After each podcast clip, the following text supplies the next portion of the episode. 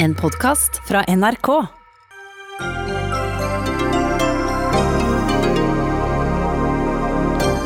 Han var toppsjef da Statoil tapte 200 milliarder kroner på en mislykket USA-satsing. Helge Lund har ikke villet si et ord om saken, men gir sitt første direkteintervju siden han gikk av her i Dagsnytt 18. Regjeringa åpner for at nordmenn kan reise til flere steder i Europa. Det gjør sykepleierne urolige for en ny smittebølge her til lands. Ta tilbake gleden ved å bli brun, ber lege, og sier solkrem ikke er så farlig å bruke for alle. Stikk i strid med all forskning, svarer Direktoratet for strålevern. Og i tre og en halv uke har én million nordmenn blitt møtt med svarte TV 2-skjermer pga. steile fronter mellom TV 2 og Telia.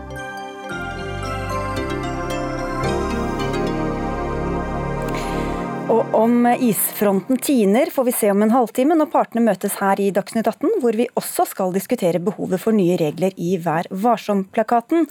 I studio Sigrid Solund. Og Først i sendinga skal vi da til daværende Statoils satsing i USA, og til de 200 milliardene som de tapte der, som Dagens Næringsliv avslørte 6. mai i år. For mannen som da satt som konsernsjef og var ansvarlig for de største investeringene i selskapets eh, historie, har til nå ikke villet snakke om saken. Milliardtapene har vakt stor oppsikt. Det samme har det som er blitt avslørt som en sløsekultur innad i det delvis statseide selskapet. Helge Lund, som altså var konsernsjef i Statoil i ti år, sluttet etter eget ønske høsten 2014, og er i dag styreleder i oljegiganten BP. Men nå har du etter å ha takket nei mange ganger valgt å ta bladet fra munnen, Helge Lund. Velkommen. Takk skal du ha. Og hvorfor gjør du det nå? Jeg tenker at Når man slutter i et uh, selskap som leder, så er det naturlig at den nye ledelsen som snakker uh, for selskapet, for det er de som kan uh, saken best. Samtidig må man erkjenne at Statoil er et spesielt selskap i Norge. Det er stort, det er eid 67 av den, den, norske stat, og er, denne saken har vakt stor oppmerksomhet.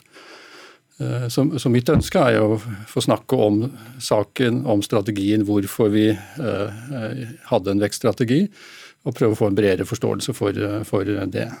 For denne saken eh, og det som ble oppslaget i Dagens Næringsliv som skapte en del eh, oppstandelse, det handlet jo da både om disse milliardtapene og om sløsing og stort forbruk. Og de største summene handler om investeringene, så vi kan jo begynne der.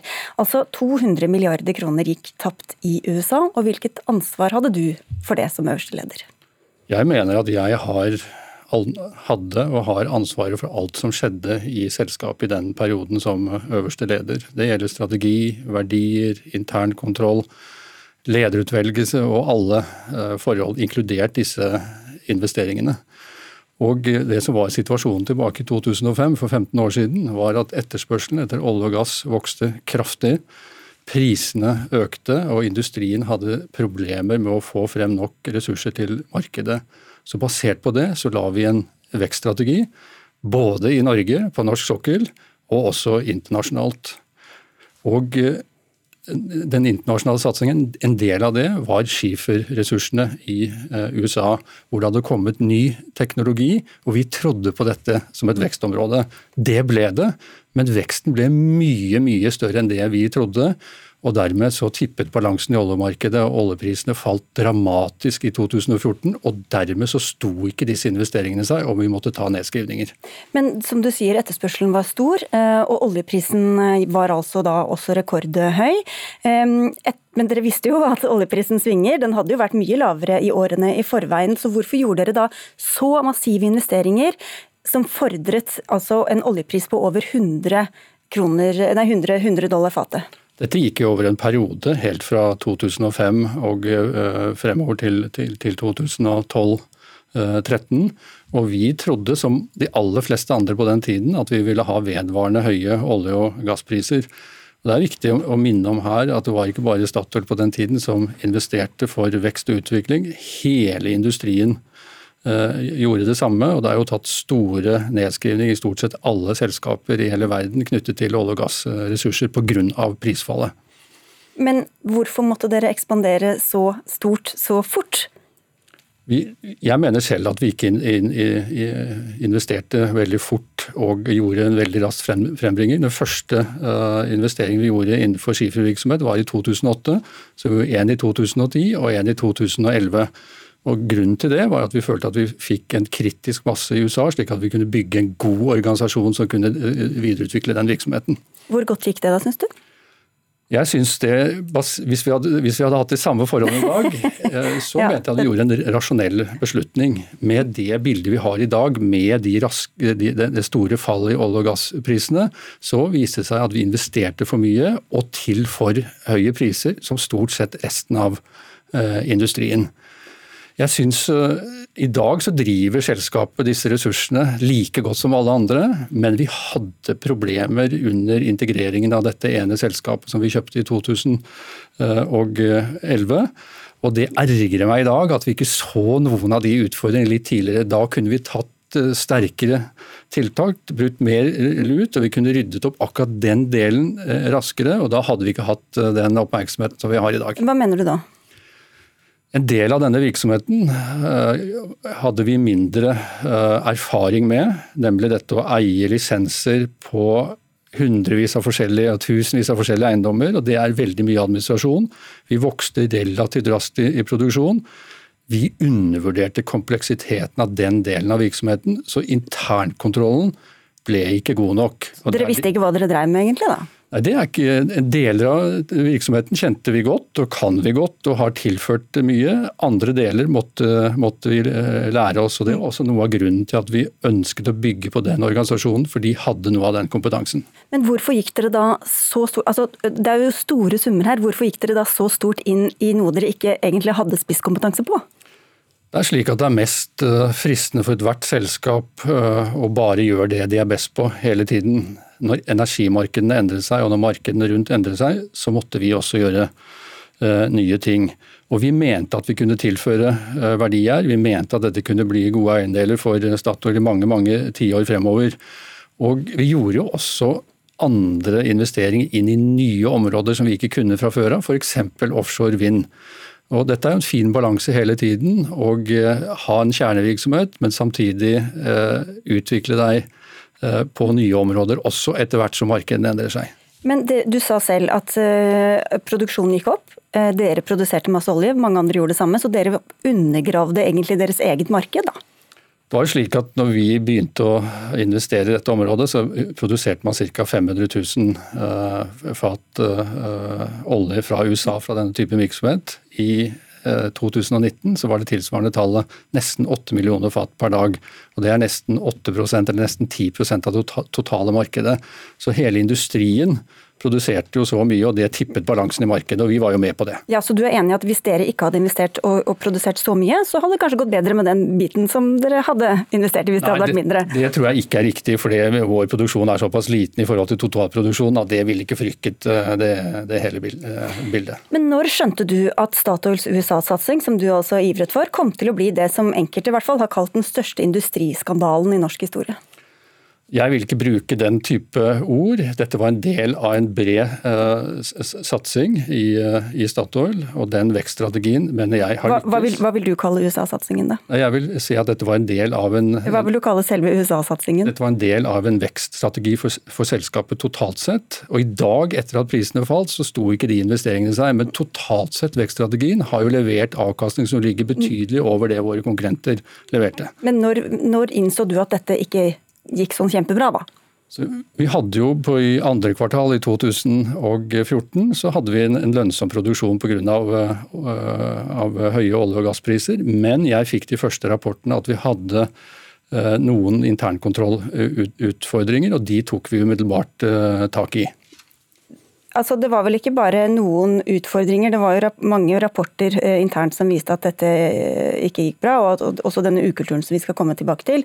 Men du sa så sent som du selv sa, altså 7.2.2014, under fremleggelsen av årsresultatet i London, at investeringene skal gå i lavere takt, men vi har tro på USA. Så hva i tallene som du hadde innsikt i, ga deg grunn til å si at dette var et, et bra marked for Statoil? Fordi da hadde ikke eh, det store prisfallet kommet. Det lå heller ikke i kortene. Og vi hadde en lønnsom produksjon på, det tidspunktet, i andre kvartal i 2014. Men jeg hadde fått de to første rapportene i løpet av det første halvåret. En på slutten av 2013 og en tror jeg i juli 2014, om at vi hadde internkontrollutfordringer. Og I denne internkontrollen ble det altså varslet at eh, det var en pengesløsekultur i USA. Dagens Næringsliv har sitert fra rapporter som har omhandlet dobbeltbetaling av regninger, altså betalt flere ganger. Et milliardbeløp som sto på, eller flere som sto på kontoer som ikke var med i regnskapene. Et sponsorbidrag til en rodeo til 35 000 dollar, som i stedet ble betalt 100 ganger så mye. Arrangørene slet kjempelenge med å få tilbakebetalt eh, pengene osv. osv. Lista er ganske lang. Hva visste visste du om den pengekulturen? Jeg visste ingenting om de eksemplene du der eh, nevner. Men jeg var flere ganger i året i USA-organisasjonen. Jeg møtte ledelse, medarbeidere, eksperter rundt omkring i, i virksomheten. Og min beste vurdering da og i dag var at dette var ikke et generelt problem i hele USA-virksomheten, men det knyttet seg til visse deler av virksomheten. Det skulle jeg og vi sett tidligere, og vi skulle satt inn eh, tydeligere tiltak. Men dette har ingenting med med nedskrivningene Nei, nei, nå, vi, nå er vi over på det, det, kulturen, ukulturen, eller hva du kaller det. Om markedseffekter. Men, men, når da pengebruken var på denne måten, hvilke signaler kan du ha gitt som har gjort at da dine ansatte syntes at dette var en adekvat pengebruk? Så vi arbeidet og, og arbeid, har arbeidet veldig systematisk med verdier, med holdninger, med kultur, med eh, lederskap. Og jeg tror at Eh, kulturen i Equinor og i, Total, og i Statoil på den tiden var en sunn bedriftskultur, også i store deler av eh, USA-virksomheten. Men vi hadde, og du nevner enkelte eksempler, hvor vi ikke hadde bra nok kontroll. Og det ergrer meg i dag. Hva skyldes det, da? Det, det skyldes at, at, vi antagelig, og jeg har sagt det i artikkelen min i dag, at vi var ikke tett på, tett på, nok på alle deler av virksomheten. Hadde vi vært det, så hadde vi sett det tidligere og vi kunne tatt tiltak tidligere. Og jeg kunne bl.a. Sluppet, sluppet å sitte her i, i dag. Er koselig å sitte her, er det ikke det? ikke noe svar. Men, men i alle fall, det, du nevner disse interne revisjonene. Det var jo ganske mange rapporter som viste, som pekte på, på denne. Så når ble du klar over at her var det snakk om en ikke bare enkelttilfeller, men en ganske utbredt ukultur i deler av virksomheten. Ja, Jeg må korrigere deg litt på det. fordi Det er to rapporter som jeg kjenner til som var inter, fra, fra internrevisjonen. Én på slutten av 2013 og én omtrent rett før jeg sluttet i 2014 og sommeren, som avdekket kontrollproblemer i et par deler, eller noen deler av virksomheten. Jeg kjenner ikke til flere rapporter enn det på det tidspunktet, men jeg vet i ettertid, også fra media, at det kom opp flere rapporter rapporter etter at jeg sluttet som viste at internkontrollutfordringene var større enn det jeg og vi trodde på den tiden. Og Du sa da opp i Statoil for å begynne i BG Group 6.10.2014. Fem dager tidligere var disse eh, interne revisorene ferdig med dette, denne ene rapporten som du nevner. Var det helt tilfeldig? Den avgangen? tidspunktet? Ja, det hadde ingenting med hverandre å gjøre. Jeg hadde vært eh, ti år som leder av Statoil i et stort selskap med mye oppmerksomhet, og eh, det var et riktig tidspunkt for meg å, å, å slutte på. Men det hadde ingenting med disse eh, tingene å gjøre. Men dine forgjengere, Arve Johnsen, han gikk av på overskridelser for 5 milliarder. Det var Mongstad, som mange husker. Harald Norvik 17 milliarder. Kunne du blitt sittende når disse tallene ble kjent? Jeg syns ikke det er meningsfylt å, å spekulere i, i, i, i, det. Vi forsøkte å drive virksomheten så godt vi kan. I ethvert stort selskap så er det alltid noen utfordringer i enkelte deler av, av selskapet. Du har pekt på de kulturutfordringene. Det har vi tatt eh, tak i. Og nedskrivingen er jo primært drevet av, eh, av et dramatisk endring i, oljemarkedene. Men eh, Mongstad, som da felte Arve Johnsen, gjorde at eh, fem milliarder gikk under kallenavnet en Mong. Hva kunne da en, en Lund, hva hadde det vært? Jeg, jeg, vet ikke hvor meningsfylt det er å disku, disku, diskutere det. Dette var et, en, en, strategi som var lagt for vekst, det var grundig diskutert i selskapet. Det var basert på den kompetansen vi hadde på den tiden. Det hadde full oppslutning eh, i styret. Og så tror jeg absolutt alle store oljeselskaper etter prisfallet i 2014 har tatt store nedskrivinger, og antagelig alle sammen større enn en Statoil også. Men Samtidig så du, sa du i stad at, at, du ville gjort noe annerledes, så hva, hva, ville det vært? Jeg tror alle ledere som har sittet i store organisasjoner over mange mange år, tenker i ettertid at det var ting man kunne gjort bedre og ting man, man uh, ikke skulle gjort. Jeg har pekt på artikkelen min i dag, f.eks. oljesand burde vi ikke gjort. Jeg overvurderte vår evne til å tilføre ny teknologi for å ta ned CO2-utslippene. Og det påførte også Statoil på den tiden et omdømmetap, selv om produksjonen var en veldig, veldig marginal del av virksomheten. Så vil jeg si at skiferressursene var en veldig grundig analyse. Vi baserte oss på den informasjonen vi hadde på det tidspunktet når endringene var så dramatiske, så har det vist seg ettertid at de investeringene sto seg. Men ressursene er der, og jeg tror det er for tidlig å gi en endelig dom av dette. Hvis oljeprisene går opp igjen, så kan man gjenvinne gode verdier. Ok, Så oljesanden skulle du ha sett ugjort, men ukulturen tar du ikke ansvar for? Selvfølgelig gjør jeg, gjør jeg det. Det er det jeg har sagt i, i artikkelen eh, i, i, i dag. Og jeg ergrer meg at jeg ikke så den dimensjonen i den delen av organisasjonen tidligere. Takk skal du ha, Helge Lund. Du skal videre til Dagsrevyen og nevner at du ikke ønsket å debattere denne saken med noen. Så når du går ut, så skal vi få inn to kommentatorer som også kjenner saken eh, godt. Hvis de klarer å somle seg på plass her. Eh, Fridtjof Jacobsen, eh, politisk kommentator i Dagens Næringsliv. Det var dere som sprakk denne saken, og du skriver i en kommentar med tittelen 'Den forsvunne pølsemaker', hvor du etterlyste Helge Lund. Nå har du hatt ham her. Hva sier du til svarene han har gitt? Det er jo interessante svar, eh, og det er jo absolutt eh, interessant å høre hva, eh, hva, hans oppfatning er av dette. Han har hatt god tid til å tenke seg om på hva han skal si, og det hører man jo. Hans budskap om dette er jo kjente toner, det er det samme som Equinor stort sett har sagt. Man forsøker å lage et veldig klart skille mellom den ukulturen som du nå har beskrevet, med slumsete forretningsførsel og lite kontroll på både kostnader og inntekter og de veldig store tapene. Som man sier at det skyldes på en måte mye større krefter, og alle gjorde det samme, og alle tapte penger osv. Det var ikke noe unikt for oss, og så hadde vi et lite ukulturproblem.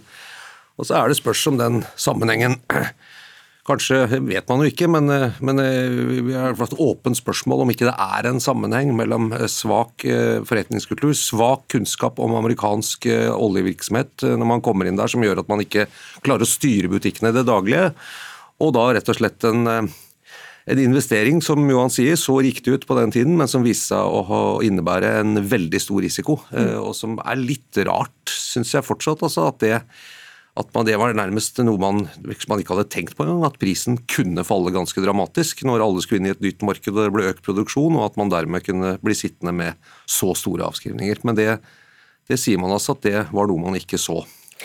Cecilie Langen Becker, økonomikommentator i eh, NRK.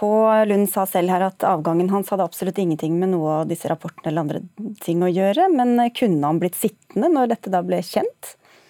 Det, er jo selvfølgelig veldig hypotetisk, men um men altså, det ene er jo det at man ikke hadde kontroll over den uh, deler av den amerikanske virksomheten. Blant annet fordi man ikke kanskje hadde kompetanse nok til å, til å, ha kontroll på akkurat den delen av eh, forretningen. Og da snakker vi om dette, den støyen rundt pengebruken, denne kalkunen til 700 000, disse skyhøye lønningene. Uh, og, og, og, Helge Lund sier jo at han burde visst det. Han var i USA flere ganger i, i, året. Han kjente ikke til det. Men han, sier jo, han, han, tar jo på en måte ansvar og litt selvkritikk, sånn som jeg leser han, for denne mangelen på kontroll. Eh, men det er jo ikke det som har ført til disse enorme tapene i USA. Det er jo at, eh, som vi er inne på her, man kjøpte oljelisenser på land til en altfor høy pris et sted man kanskje ikke hadde den eh, tilstrekkelige kompetansen. og Der hadde jo Statoil virkelig feilberegnet helt totalt. Og det er jo Helge Lund sitt ansvar som øverste sjef, og det sier han jo. sånn at eh, Hvis han hadde blitt sittende lenger, så kunne det i hvert fall kommet et spørsmål om han kunne blitt sittende lenger. Og denne vekststrategien den kan også spores tilbake til Lund eh, Jacobsen? Ja, absolutt. Eh, det har han ikke lagt skjul på heller. og Han omtaler jo den også med en viss eh, stolthet nå, og sier at man trodde at olje- og gassmarkedet var på vei oppover. Vi hadde et rikt statlig oljeselskap som hadde økonomiske muskler til å gå inn og vokse internasjonalt. og Ideen var jo at man skulle ta alt det man hadde lært på norsk sokkel, og, og, på en måte føre det over på nye, store markeder. Man huske at USA var ikke noe hvilken som helst eh, utenlandssatsing heller, det var den suverent største. Hvis man hadde tatt eh, daværende Statoils virksomhet i USA og skilt ut som et eget selskap, så ville det vært det tredje største selskapet på Oslo Børs. Så det er, ikke, det er mye større enn, en mange andre utenlandssatsinger, både i Statoil og andre norske selskaper.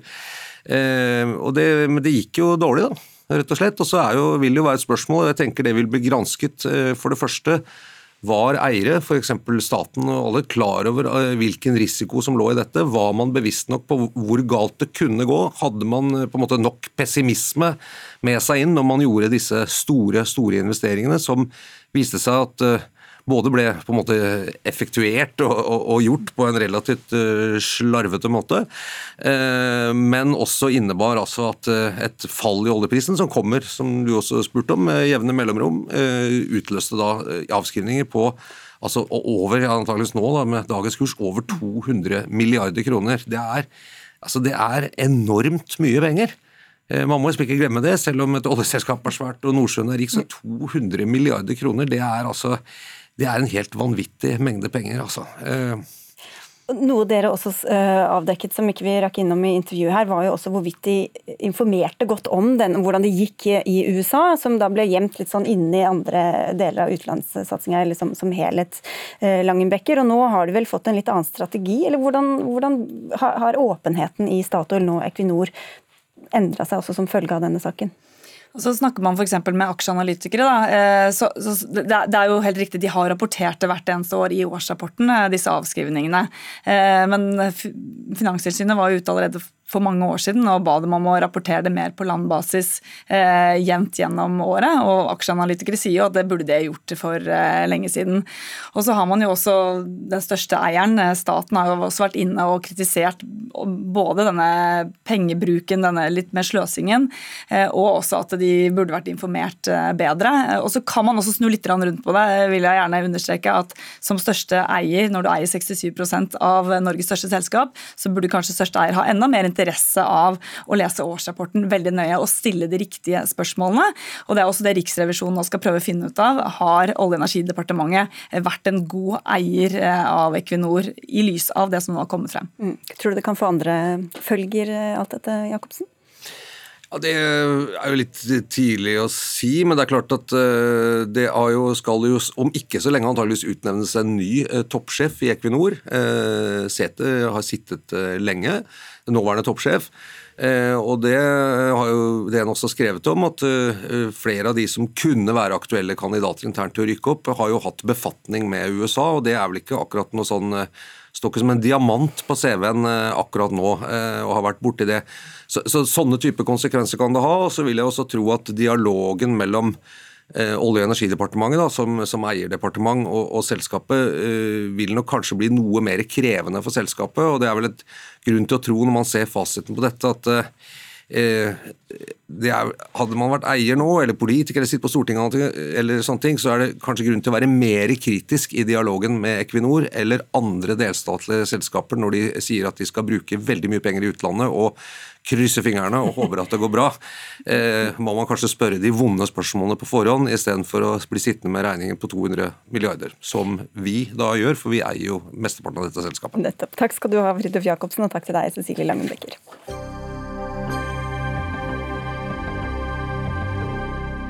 Behøver vi egentlig å smøre oss inn med solkrem, eller er det mest for de med særlig sensitiv hud? Det skal vi diskutere senere her i Dagsnytt 18, men før det til ettermiddagens eh, nyhet som reiseglade har ventet på.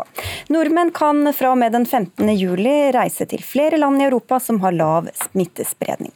Den 10. juli vil regjeringa presentere en liste over steder nordmenn kan reise til uten å gå i karantene etterpå, men vi kan ikke stole på at vi slipper karantene selv om feriemålet står på lista, for regjeringa kommer til å endre, eller i hvert fall evaluere reiserådene hver 14. dag. Men overordnet assisterende helsedirektør Espen Rostrup Nakstad, hvorfor åpner man nå opp til og fra Norge når det er mer smitte i Europa nå enn det var da vi stengte den 12. mars? Dette har nok vært en lang prosess eh, mellom europeiske land og i europeiske land. og Det er jo dels en helsepolitisk og utenrikspolitisk prosess også som ligger til grunn. Men eh, når det nå først åpnes, så er jo vi glad for at eh, det er en del objektive kriterier som ligger til grunn, som er strenge, og som sikrer at man vurderer land hvor det er lite smitte, opp mot land hvor det er mye smitte. Men utenrikspolitikk, det betyr at det er ikke bare helsefaglige råd som ligger til grunn for dette? Nei, her er det en helhet i hele Europa. Det er jo langt fra bare smittevern og helse som ligger til grunn for disse vurderingene i Europa nå. Det er mange andre hensyn også, eh, men for vår del så er det viktigste at, eh, at vi setter grenser objektivt sett ved mye og lite smitte i land. Som vurderes hver 14. dag ut fra et ganske strengt regime. Men til tidspunktet her, altså tidligere i dag sa Verdens helseorganisasjon i Europa at pandemien fortsetter å akselerere. WHO har registrert en økning i daglige smittetilfeller fra forrige uke. 20 000 nye smittede og 700 døde hver dag i Europa. Hvorfor er da dette det riktige tidspunktet å åpne?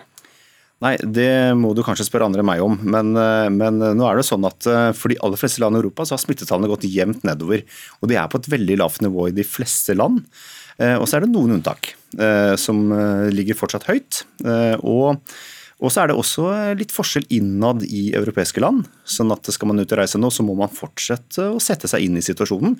For det er litt ulikt innad i landene også.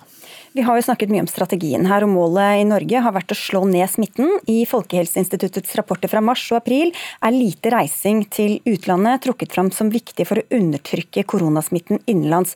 Så hvordan er da denne reisinga forenlig med den strategien, slå ned-strategien som vi har valgt? Jeg tror Det som i hvert fall ble sagt på pressekonferansen i dag, er at det er, dette er ikke en oppfordring til å reise til disse landene. Det er en mulighet, hvis man ønsker og må, eh, som ikke var der tidligere, men under ganske strenge kriterier. Og Det er jo tre ting som betyr noe for denne smitterisikoen. Det ene er jo da hvor mye smitte det er i det landet man reiser til. Det andre er selvsagt hvor mange som reiser dit. Og så er det da hva man gjør når man reiser dit. Sånn at eh, det med å holde avstand til folk og passe på smittevern også når man er på ferietur, det er like viktig som før. Og vi anbefaler alle å sette seg grundig inn i disse tingene før man bestemmer seg for å reise utenlands. Ok, Høres ut som dere kan reise, men helst ikke reis. Eh, men dette fører seg jo da inn i rekken av flere oppmykninger i tiltakene, med større ansamlinger osv. osv. Lill Sverresdatter Larsen, du er leder i Sykepleierforbundet. Hva sier deres medlemmer om disse oppmykningene i, nei, i reiserådene som kommer nå? Sykepleierne stoler jo på uh, helsemyndigheten sine vurderinger, men vi hører også både statsminister og helseminister som forventer en uh, økt uh, risiko for smitte. Og Det er uro med tanke på både logistikk og kapasitetsutfordringer i helsetjenesten av tre årsaker. Det at det allerede er en normalsituasjon mangler sykepleiere, spesialsykepleiere, jordmødre og helsefagarbeidere. Noe som betyr normalsituasjonen er og betyr kapasitetsproblemer i helsetjenestene. Punkt nummer to, vi har stått og vi står fortsatt i en ekstraordinær situasjon med langt større belastning på helsesektoren. Eh, og Det betyr at er, fagfolkene er til dels sliten, særlig intensivavdelinger, intensivsykepleiere, men også i kommunene, sykehjem, hjemmetjeneste, legevakt ikke minst. Og Punkt nummer tre er det med etterslep. Altså, vi har altså flere hundre tusen, 350 000 konsultasjoner i sykehus som er utsatt og skal tas til høsten. Så vi spør oss hva skjer med kapasitet, hva skjer med pasientsikkerhet, hva skjer med de, de konsultasjonene som gjenstår ved en eventuell ny til høsten, eh, smitte, smittetopp til høsten. Jan Nakstad, hvordan er dette tatt med i betraktningen når dere har vurdert dette? Dette er noe som har veid veldig tungt i hele denne perioden fra februar-mars, og fortsatt veier veldig tungt i alt det vi gjør. Eh, vi er veldig klar over at eh, enhver smitteøkning som medfører økt innleggelse på sykehus f.eks., er en belastning som går utover noe. Sånn at uh, Her er det veldig veldig mange gode grunner til å holde disse smittetallene så lavt som mulig fortsatt. De er lave nå. Vi tar en høyere risiko nå hvis mange begynner å reise til utlandet. Men vi har også en helt annen evne nå til å teste smittespor og fange opp smittetilfeller. Og det er også mulig å sette inn tiltak hvis det blir lokale utbrudd i Norge fortsatt. Det er altså eh, rådene at vi skal holde smitten nede, men hvis nordmenn trosser rådene, så er det til liten nytte, sier du Jørgen Skavlan. Du er fastlege og skrev på Twitter denne uka at det er registrert 180 000 nye tilfeller på ett døgn på verdensbasis. Vi har ingen vaksine, ingen legemidler og ingen immunitet, men nordmenn flyr til Alicante. Hva var budskapet ditt? Budskapet er jo veldig enkelt, egentlig. For det første vil jeg bare si at jeg er jo veldig heldig, for jeg slipper å sitte her og ta hensyn til alt det andre Nakstad og politikerne må ta hensyn til. Ehm, trykk fra EU, økonomiske hensyn, den type ting. Jeg kan sitte der og bare se på de helsemessige konsekvensene. Det har jo gått fantastisk bra i Norge. Altså, helt Må klype deg i armen. Så bra har vi det. Jeg tror det er 17 innlagt på sykehus i Norge. Det er helt ekstremt. med covid-19? Med covid-19 nemlig med covid-19. Mm. Og Da må jeg jo si at vi har et godt norsk begrep som heter føre-var-prinsippet. Vi hadde diskusjonen gående før Holmenkollsøndag, hvor vi skulle ha 35 godt animerte folk i Holmenkollen. Eh, vi brukte et føre-var-prinsipp og avlyste den, og sparte oss kanskje da for en pangstart på denne pandemien.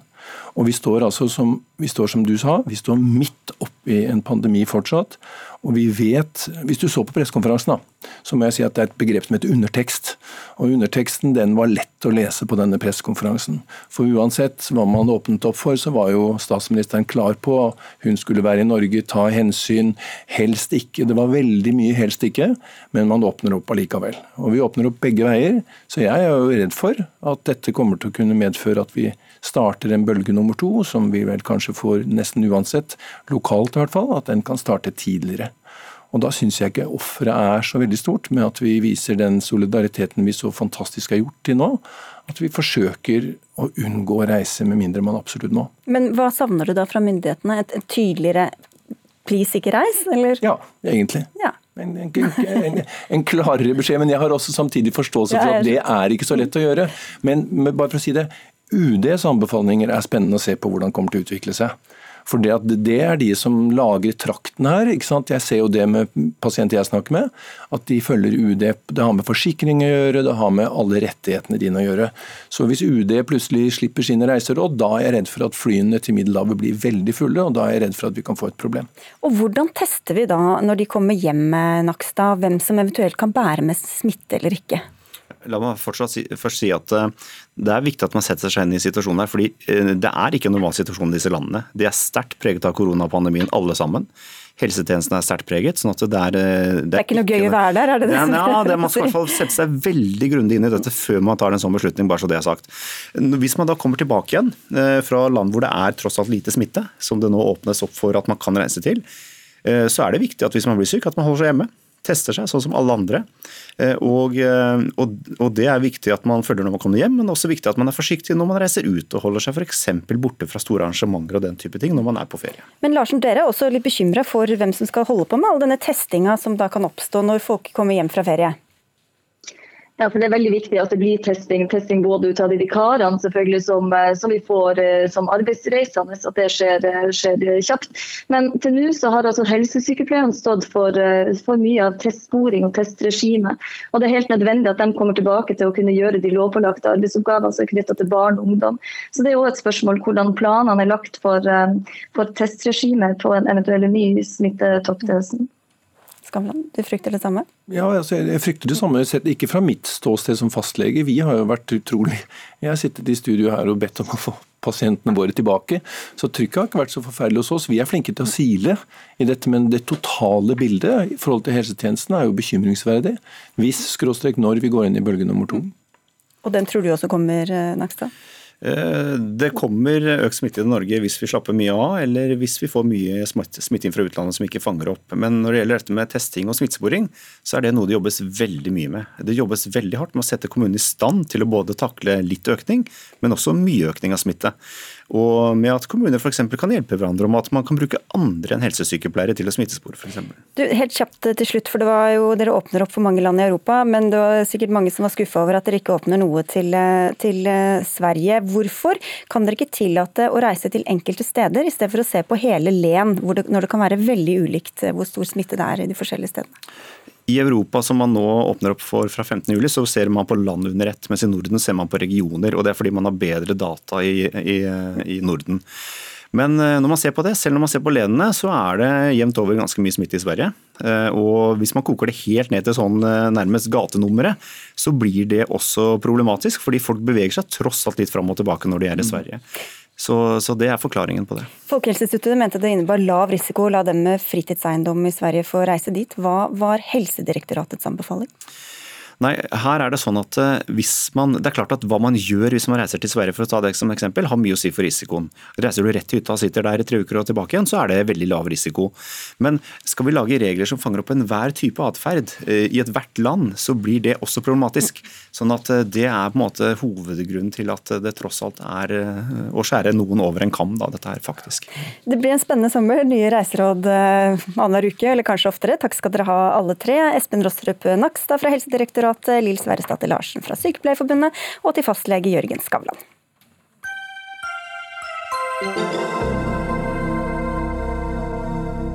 Skjermene er svarte, konflikten er ikke løst, og partene ser ut til å være på forskjellige planeter. TV 2 og Telia er ikke nærmere noen løsning på hvordan avtalen deres skal se ut framover, med det resultat at én million nordmenn står uten tilgang til Premier League, Kompani Lauritzen og Farmen kjendis.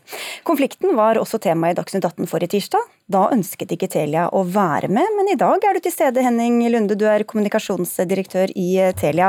Nå har dere altså krangla eller diskutert eller hva vi skal forhandle i over tre uker. Hvorfor klarer dere ikke å bli enige? Ja, si det. Det hadde jo vært, eh, som vi pratet om litt utenfor også, eh, det hadde jo vært det beste for alle kundene at vi kunne komme til enighet. Jeg tror nok det er slik at er, vi må respektere at det er for stor avstand i liksom, den langsiktige avtalen. Men eh, å finne en midlertidig løsning, det har vi prøvd å få til nå en ukes tid. da. Ja, for Det er snakk om både en, en langsiktig og en midlertidig løsning her. Eh, Sara Wieland, du er organisasjons- og kommunikasjonsdirektør i TV 2. Hvor ligger problemet sett fra deres eh, ståsted? Nei, Det er jo som Lunde sier, det er en, eh, en langsiktig eh, avtale vi prøver å komme til enighet om. Den eh, er vi langt fra hverandre på. og Derfor har vi prøvd å komme fram til en midlertidig løsning som gjør at ikke kundene skal bli stående i skvisen sånn som de gjør nå. Og Vår opplevelse var sist torsdag at det hadde vi klart å komme til enighet om. Telia hadde kommet tilbake til oss og sagt at de ønsket å, å forhandle videre under gjeldende vilkår. Eh, det har vi sagt ja til. Eh, vi ønsket en seks måneders frist på denne midlertidige avtalen. Det sa de nei til. Eh, vi mente at det var en lang nok tid til å kunne klare å komme til enighet. Og så hadde vi litt dialog på torsdagen hvor begge parter uttrykte at det burde være mulig å komme fram til en enighet på, på dette her i løpet av en seks måneders periode. Og da gikk vi med på at vi kunne forhandle videre uten å ha en frist, da. Og da trodde vi vi var enige. Så fikk vi en kontra på det. Eh, og da forsto vi at eh, kravet for å kunne klare å gå inn på en sånn midlertidig avtale, det var faktisk at den skulle vare i, i all evighet. Eh, og det tror jeg er forståelig at det er vanskelig for oss å akseptere. Det er ikke så midlertidig hvis det kan vare all evighet? Nei, men, men, jeg tror vi skal litt tilbake, for det, det stemmer nok ikke helt alt som Sara sier. Men vi foreslo i forrige torsdag, helt riktig, at vi la oss få lov å slå på TV-kanalen igjen. Eh, la kundene slippe å være skadelidende, og la oss forhandle frem en langsiktig avtale eh, så fort vi bare kan, men ikke la noen av partene få lov til å holde kundene og TV-seerne som gisler. Og, så var det nok slik at eh, vi opplevde da at TV 2 kom tilbake med en e-post til oss klokken åtte om kvelden forrige torsdag, hvor de skrev at ja, vi er med på det, vi er med på det, men vi forbeholder oss retten til å kunne bryte avtalen og forhandlingene når vi ville og vi ber om en bekreftelse på dette. To minutter etterpå så sendte de da ut en pressemelding hvor de sa at nå er partene enige uten å vente på å få en bekreftelse fra oss. Men hva skulle vi ha bekreftelse på, Lunde? For det er jo eh, Jeg vet ikke om du kjenner til en eneste avtale jeg, som finnes i samfunnet som varer eh, i all evighet og som er midlertidig. Så det vi, det vi på ingen som helst måte forsto, var at dere virkelig mente at et av kravene var at for at denne midlertidige avtalen skulle være gjeldende, og at kundene faktisk skal få tilbake TV 2 på skjermen, så er vi altså nødt til å sitte med en avtale som ikke har en oppsigelsesfrist. Altså det, det er én, ikke en midlertidig avtale. Nummer to, jeg kjenner ikke til noen sånne avtaler i det hele tatt. Og det vil jo være helt merkelig om vi skulle sitte teoretisk sett i 2050 eh, på dagens vilkår, fordi at vi kan ikke bryte en avtale som da skulle være midlertidig. Og det, ja. Kjenner du til sånne avtaler? Uh, ja, men jeg tror, jeg tror, du ser litt uh, spøkelse på åpen himmel. Altså det, det, er slik at det, La oss ta kjernen i konflikten. Høylys dag heter det kanskje. Beklager. Høylys dag. Du er ikke den første som kommer med litt forvirrede ordspørsmål? Nei, jeg har, jeg har, fått en egen bok av kollegaer på alle de ordfeilene jeg har brukt av ord og uttrykk. Men, uh, men jeg tror det er liksom litt viktig å huske på kjernen i konflikten her, og den er jo på en måte at det, vi følte TV 2 kom med et vanvittig priskrav til oss for en ny langsiktig avtale. Det var på flere titalls millioner mer enn det vi betaler i dag, og vi har allerede doblet det vi betaler til TV 2 på fire år. Og vi har allerede gitt den en kraftig prisøkning i år.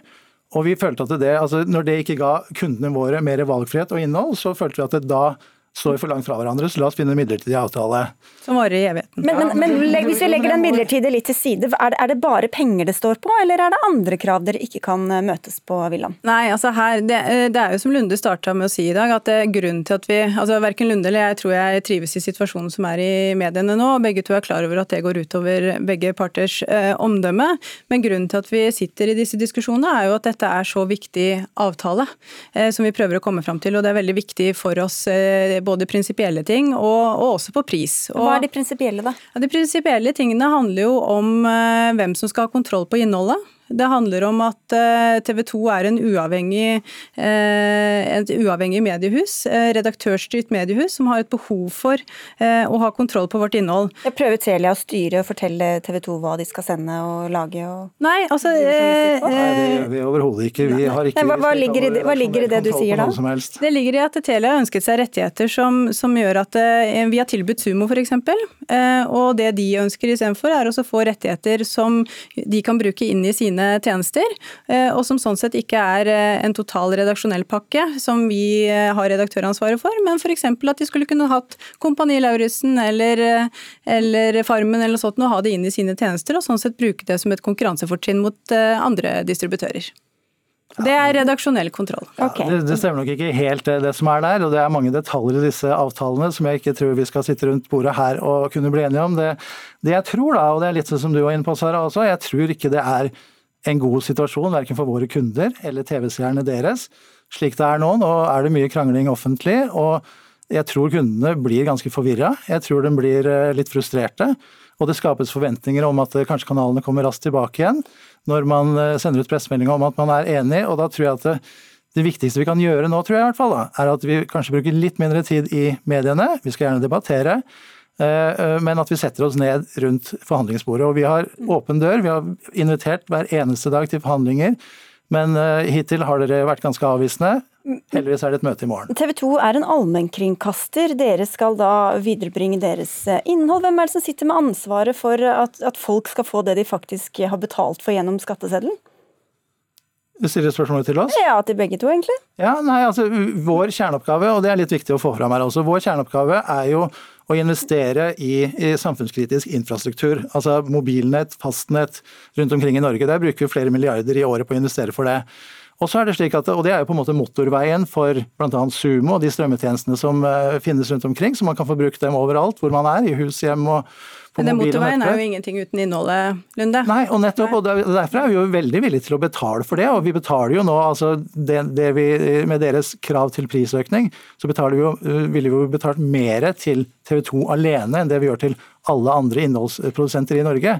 Og Det forteller vi litt om at man kanskje bør bruke litt magefølelse for å finne fram til hva som er et fornuftig prisnivå. i hvert fall. Hva med deres kunder, da? Får de avslag nå når de ikke får det de har betalt for? Ja, da, De blir kompensert eh, på både de kan, mellom, de kan velge, Alle har fått ekstra TV-poeng som de kan bruke, og, og, vi prøver også å få til økonomiske kompensasjoner. Men du, det må vi kontinuerlig vurdere videre ettersom uh, hvor lang tid dette drar ut. Du spurte om dette med allmennkringkaster, og jeg syns jo det er en ganske det er en ganske spesiell situasjon at Eh, et stort eh, konsern som Telia, eh, med den makten dere har, faktisk nå har skrudd av TV 2, altså allmennkringkasterkanalen.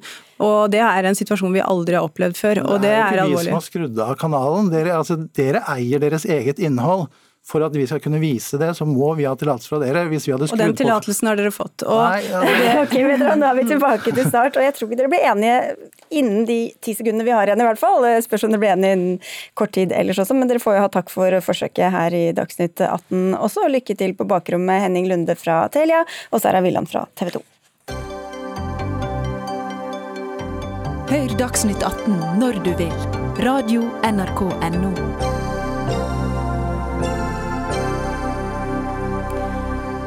Sola, sola, skinner over nesten hele Norge, og vi kan knapt få nok av den. Men bør vi styre unna solstrålene, smøre oss inn, eller bare være ute uten solkrem? Et innlegg i Aftenposten ba om at vi tar tilbake gleden ved å bli brune om sommeren, og det kom fra deg, Gunnar Hasle. Du er eh, lege ved Reiseklinikken.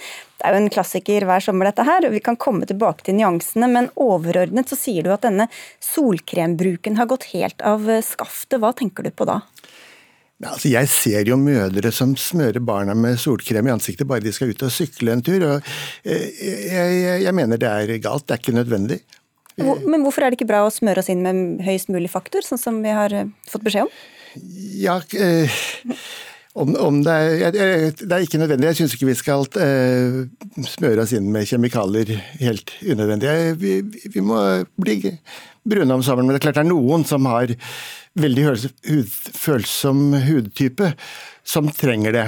Eh, men det viktigste for å forebygge eh, solbrenthet, det er å prøve å ikke være i direkte sollys altfor lenge. At man kan søke skygge eller ha hatt på hodet eller noe sånt. Og hvis man må, altså hvis man skal ut på en båttur, en åpen båt eller en safaribil en hel dag uten tak, så kan det kanskje være nødvendig, men det er unntaksvis. Men stort sett så mener jeg man kan klare seg uten solkrem hvis man har en hud som blir brun når man får solbånd.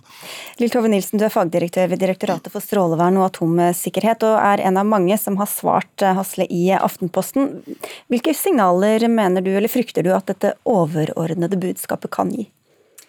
Først og fremst vil jeg nesten takke Gunnar Hasle fordi at han gir oss muligheten til å komme fram med, med det. Og, og korrigere? ja. Og, men så er vi kanskje litt overrasket og også litt skuffet over at eh, han som lege eh, går ut og sier at vi ikke skal beskytte oss i sola, eh, med den mange som har lys hud og, og blir fort solbrent. Og det, går jo imot eh, de faglige anbefalingene både nasjonalt og internasjonalt. Og også den anbefalingen om at eh, vi med lys hud skal bli så brun. Eh, det tenkte vi, eller håpet kanskje at var litt avleggs å gå og oppfordre til å bli så brun. For det er nå engang sånn at UV-strålene de forårsaker hudkreft. Og det er både de intense episodene hvor du blir, kan bli solbrent, men det er også mye sol. Og en lys hud som er veldig brun, det tyder jo på at du har fått veldig mye sol. Da har du fått mange episoder med skader. Og, og, det, er ikke bra. Nei, og det er nettopp denne eh, eh, altså, sammenhengen mellom hudkreft og, og, soleksponering som du stiller spørsmålstegn ved også, eller setter spørsmålstegn ved. Ja, nå er det forskjellige typer hudkreft. Vi har disse her eh, eh, keratocyttcellekarsinomene som det heter. Altså, det er noe sånn som man får på de mest lysutsatte områdene. Der er det klart en sammenheng. Og det er nok også en sammenheng når det gjelder eh, disse farlige føflekkreftformene. Det er en, en liten sammenheng synes det å være det, i hvert fall. Det er vel også det er litt uklart. fordi at eh, folk som arbeider ute, har ikke mer av disse føflekkreftformene enn en folk som eh, arbeider inne og soler seg av og til. Eh, og det kan komme hvor som helst på huden. Så, så det er litt uklart. Men, men eh, når det gjelder eh, solkrem, så har vi faktisk ikke holdepunkter for at det reduserer risikoen for hudkreft. og Det er veldig underkommunisert i informasjonen. Eh, og Man gjør metaanalyser, altså sånn at man sammenligner store, eh, store antall undersøkelser. Eh, og i begynnelsen, altså for, for noen tiår siden, så fant man at bruk av solkrem økte risikoen. Eh, etter hvert som man får mer og mer kunnskap om dette, her, så, eh, så tror man vel mindre og mindre på at solkrem øker risikoen for, for, for kreft. Men eh, de, de nyeste analysene nå trekker mer og mer i retning av at det ikke har noen effekt. Det er vel ikke sånn at fagmiljøene er i tvil om at UV-stråling gir hudkreft, og det er også føflekkreft. Og den virker på to måter. Man ser både at det setter i gang, det gir en skade i huden som heldigvis som regel reparerer seg selv, men av og til så begynner det å bygge seg opp en hudkreft. Så kan det gå lang tid før UV-strålene igjen, hver gang det treffer, så gir det skader, bygger seg opp, huden husker. Og den også, når det har begynt å utvikle seg, så fremskynder det utvikling av eh, føflekkreft. Og da beskytter solkremen mot disse UV-strålene? Nei, det er solkrem. Det er veldig bra at du reiser spørsmål med, fordi eh, no, studier har vist at hvis du bruker lav faktor, beskytter ikke mot hudkreft. Vi vet at solkrem kan beskytte mot solbrenthet, men det er ikke bare solbrenthet som kan gi hudkreft og føflekkreft, men også eh, da over lang tid. Eh, så har du høy faktor er det faktisk vist i et norsk studie, stort studie, at eh, det ga mindre føflekkreft enn om de hadde brukt lav faktor. Men det er veldig viktig, kjempebra at du reiser det spørsmålet, fordi vi ser jo at mange bruker solkrem feil. Ehm, det er eh, kanskje en av hovedårsakene at det er en veldig sterk driv i folk om å kanskje få en annen hudfarge enn det, eller en annen pigmentering ja. enn det vi har. Og, og, da smører vi oss inn, og så er vi ute mye lenger enn det vi kanskje ellers ja. ville vært. Ja. Men, men, det vi har sett er jo en femdobling av dødeligheten og en elvedobling av forekomsten av maligne melanomer, disse ondartet føflekkreft, siden Kreftregisteret starta på 50-tallet. Og vi vet ikke hvorfor dette har skjedd. Eh, det er riktig at det er holdepunkter for at, eh, at sol, eh, kan, kan, utløse dette her, men, men, og dette her med disse mutasjonene, seriemutasjonene som, som, du er inne på der, det er en mulig forklaring på det. Men denne femdoblingen i dødeligheten og elvedoblingen i insidensen tendensen, den vet vi ikke hvorfor. Svar på den, Nilsen. Vi vet ganske mye. Vi vet faktisk veldig mye. Og det er både Særlig den driven med at vi vil bli brune, gjør at vi vil være ute og tøye strikken mye mer enn det vi vil. Vi ser jo at vi har mye fritid. Eh, fra spørreundersøkelser ser vi at på en vanlig helgedag, feriedag, så svarer nordmenn at de er ute i gjennomsnitt fem timer. Det er mer enn nok til å bli virkelig solbrent her hjemme. Mer og mer fritid, mange reiser mye sydover til eh, hvor det er dobbelt så sterk sol som her, og mange tar også solarium. Så det er mengden også du frykter ikke at folk løper ut i sola uten solkrem og skylder på deg, Hasle? Nei, og jeg anbefaler ikke at man skal være fem timer i direkte sollys uten noen beskyttelse. Da skal man ta på seg litt eh, dekkende klær. Eh, og jeg har heller ikke sagt at man skal bli veldig brun, at det er om å bli så brun som mulig. eller sånn. Jeg bare vil at vi skal slappe av litt, at vi skal nyte sola, ta tilbake den gleden ved sommeren, ikke være så redd for sola. Og Det er det, eh, det, er det som er mitt budskap. Og så kan vi diskutere da på kammerset hvor gode holdpunkter det er for at solkremen virker virker, men jeg kan vise deg en artikkel en stor er, som, som, viser at, at det er Du, du har fått hard medfart i, i spaltene fra ganske mange miljøer. Kraftig igjen i spaltene. det er rett og slett en glede å være ute og nyte det. Og hvis vi bare bruker kunnskapen om hvor mye vi tåler, UV-varsel på Yr eller andre steder, så kan vi nyte det med samtidig litt vett. Og det tryggeste er å bli inne og kunne høre på Dagsnytt 18, selvfølgelig. Takk skal dere ha begge to, Gunnar Hasle og Lille Tove Nilsen.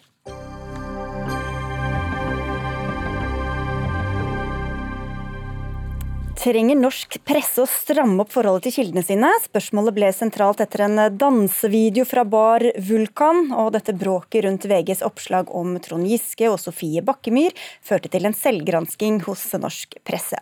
Norsk Presseforbund satte ned et eget kildeutvalg som kom med forslag til nye presseetiske regler, som sier bl.a. at kilder ikke bør framsette personkarakteristikker og udokumentarbare påstander anonymt, og at pressen skal vise særlig hensyn overfor urutinerte kilder. Nå har redaksjonen i de største mediehusene møttes og kommet med tilbakemeldinger, og der er det mange tomler ned, bl.a. fra dere, Tove Tøy Strøm Gundersen, du er nyhetsredaktør i Aftenposten. Hvorfor trenger ikke Vær varsom-plakaten disse nye reglene, mener dere? Vi mener eh, at plakaten er god nok, men at eh, praksis må skjerpes.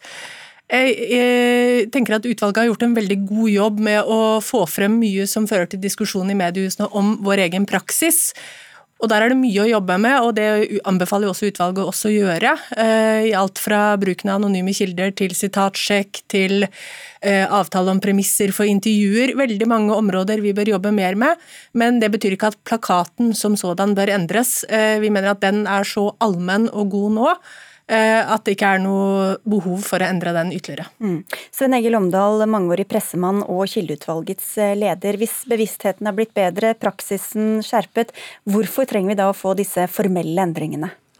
Ja, Det vet vi jo ingenting om. Det vi vet er at på det tidspunktet når vi gjennomførte våre eh, over 100 intervjuer med journalister og redaktører og kilder, så var det gjennomgående budskapet at praksisen ikke var god nok, sånn som Stram Gundersen òg her sier. Og Det kan godt være at enkelte redaksjoner eh, skjerper seg, at eh, en har en bedre diskusjon innad. men Eh, Vær varsom-plakaten skal regulere alle mediene, og den skal sikre at alle mediene holder den nødvendige standarden. Derfor så er plakaten utforma slik eh, og blir justert med jevne mellomrom for å være en norm som ikke bare mediene i seg selv, men òg publikum, kilder og de som blir eh, objekter for journalistikken, skal kunne kjenne til. Jeg nevnte to eksempler her, fra, eller to av punktene. Hvordan mener dere at det kan gjøre journalistikken vanskeligere, da, hvis dette blir formalisert? For å ta et eksempel eh, i bruken av anonyme kilder, så er jo medienes utgangspunkt at vi skal ha åpne kilder, ikke at bruke anonyme kilder. I enkelte tilfeller så må man allikevel bruke anonyme kilder for å få frem helt vesentlig informasjon. Og så handler jo ikke endringen i Vær varsom-plakaten det forslaget om at man skal eh, ikke bruke anonyme kilder. Det handler om en justering der man ikke kan bruke anonyme kilder til å fremme udokumenterbare påstander.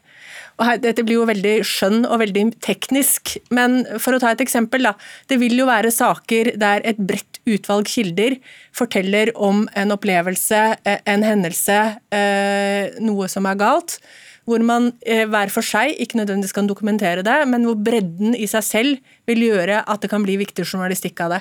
Og Det mener jeg at det forslaget i Vær varsom-plakaten, sånn det ligger nå fra kildeutvalget til endring, vil gjøre, sette en begrensning på den muligheten vår til å lage journalistikk. Gå glipp av viktige saker, Omdal.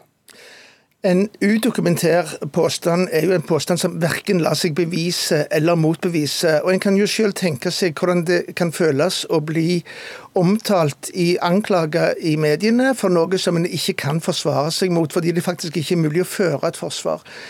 Det er så riktig som, som Strøm Gundersen sier, at vi er jo enige med pressen generelt i at anonyme kilder er et viktig virkemiddel for eh, å avdekke ting som bør avdekkes. Vi har foreslått to reguleringer. Det ene er at en ikke bør bruke anonyme kilder til personkarakteristikker. Det er en samme regel som veldig mange mediehus allerede i dag har internt. Og Vi foreslår jo bare å gjøre dette generelt, det som f.eks. VG, eh, Bergens Tidende, Klassekampen allerede praktiserer. Og Det andre er da at ingen skal kunne bli angrepet i pressen på en slik måte at de faktisk ikke har noe forsvar. Fordi Hvis det er sånn at mange praktiserer strengere egentlig enn det som står i Vær varsom-plakaten i dag, hvorfor ikke få det inn, sånn at også de eh, mediehusene eller de små redaksjonene som kanskje ikke har de samme ressursene, samme profesjonaliteten, må følge de reglene som de store gjør? Fordi jeg eh, allikevel mener at Vær varsom-plakaten bør være mest mulig allmenn, og at det må være opp til hvert enkelt mediehus å ha den type strenge reguleringer for seg selv. Fordi, eh, og det er jo også fordi at innimellom så vil det komme unntakstilfeller eh, der det vil være viktig for oss å bedrive journalistikk, uten at det blir felt i PFU av den grunn. Mm. Det er jo veldig mange redaktører som har vært veldig skeptiske til disse, disse forslagene. Omdal Strøm Gundersen skriver i sin egen kommentar i sin egen avis at det er en fare for at de blir oppfattet som arrogante. Hvorfor tror du at så mange redaksjoner eh, ikke vil ha disse innskjerpelsene? Dette er tredje gangen jeg er med i komiteer som regulerer Vær varsom-plakaten. og Hver gang har det vært slik at redaktørene er skeptiske til endringer i plakaten, mens journalistene vanligvis er positive til dette. Og i den grad publikum blir spurt, så er de positive. Det tror jeg ganske enkelt skyldes at jo mer spesifikk plakaten blir, jo mer eh, må redaktørene forsvare i, konkret de handlingene som de i, til siste instans står ansvarlige for. Det som Stam Gundersen sier, så ønsker redaktørene seg ofte et mer, mest mulig generelle formuleringer. Nå har plakaten veldig mange generelle formuleringer, men den har òg en del spesifikke formuleringer bygga på erfaring at de generelle formuleringene ofte ikke er tilstrekkelige. Strøm jo, jeg, jeg syns jo det er et godt poeng, og jeg, jeg, er jo for så vidt enig i at vi ønsker oss mest mulig eh, allmenne og skjønne regler, sånn at vi kan praktisere best mulig innenfor våre egne regler. Det, jeg er enig i det. Men jeg mener jo at Vær varsom-plakaten har demonstrert at den fungerer, bl.a. gjennom eh, Sofie-saken, som du snakket om innledningsvis. Eh, der ble jo VG felt på nesten alle de innklagede punktene, og, og jeg tenker at det i seg selv er et bevis på at Vær varsom-plakaten sånn den er utformet, fungerte veldig bra i den saken. Det var jo praksis som sviktet, og det har VG selv erkjent. Men hvordan skal eh, eh, de leserne, lytterne, hvordan, hvorfor skal de stole på at praksisen endres eh, når regelverket ikke gjør det? da?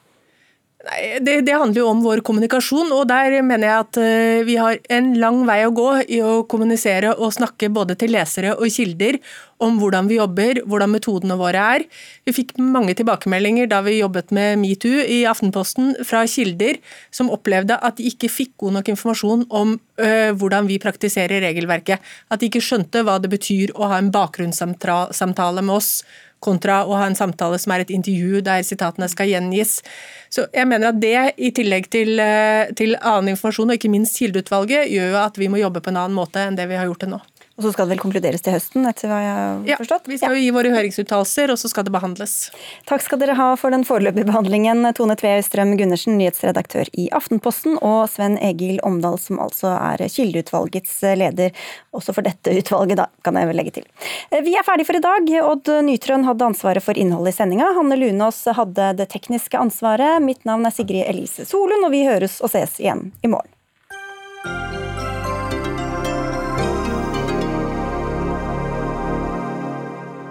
Du har hørt en podkast fra NRK. Hør flere podkaster og din NRK-kanal i appen NRK Radio.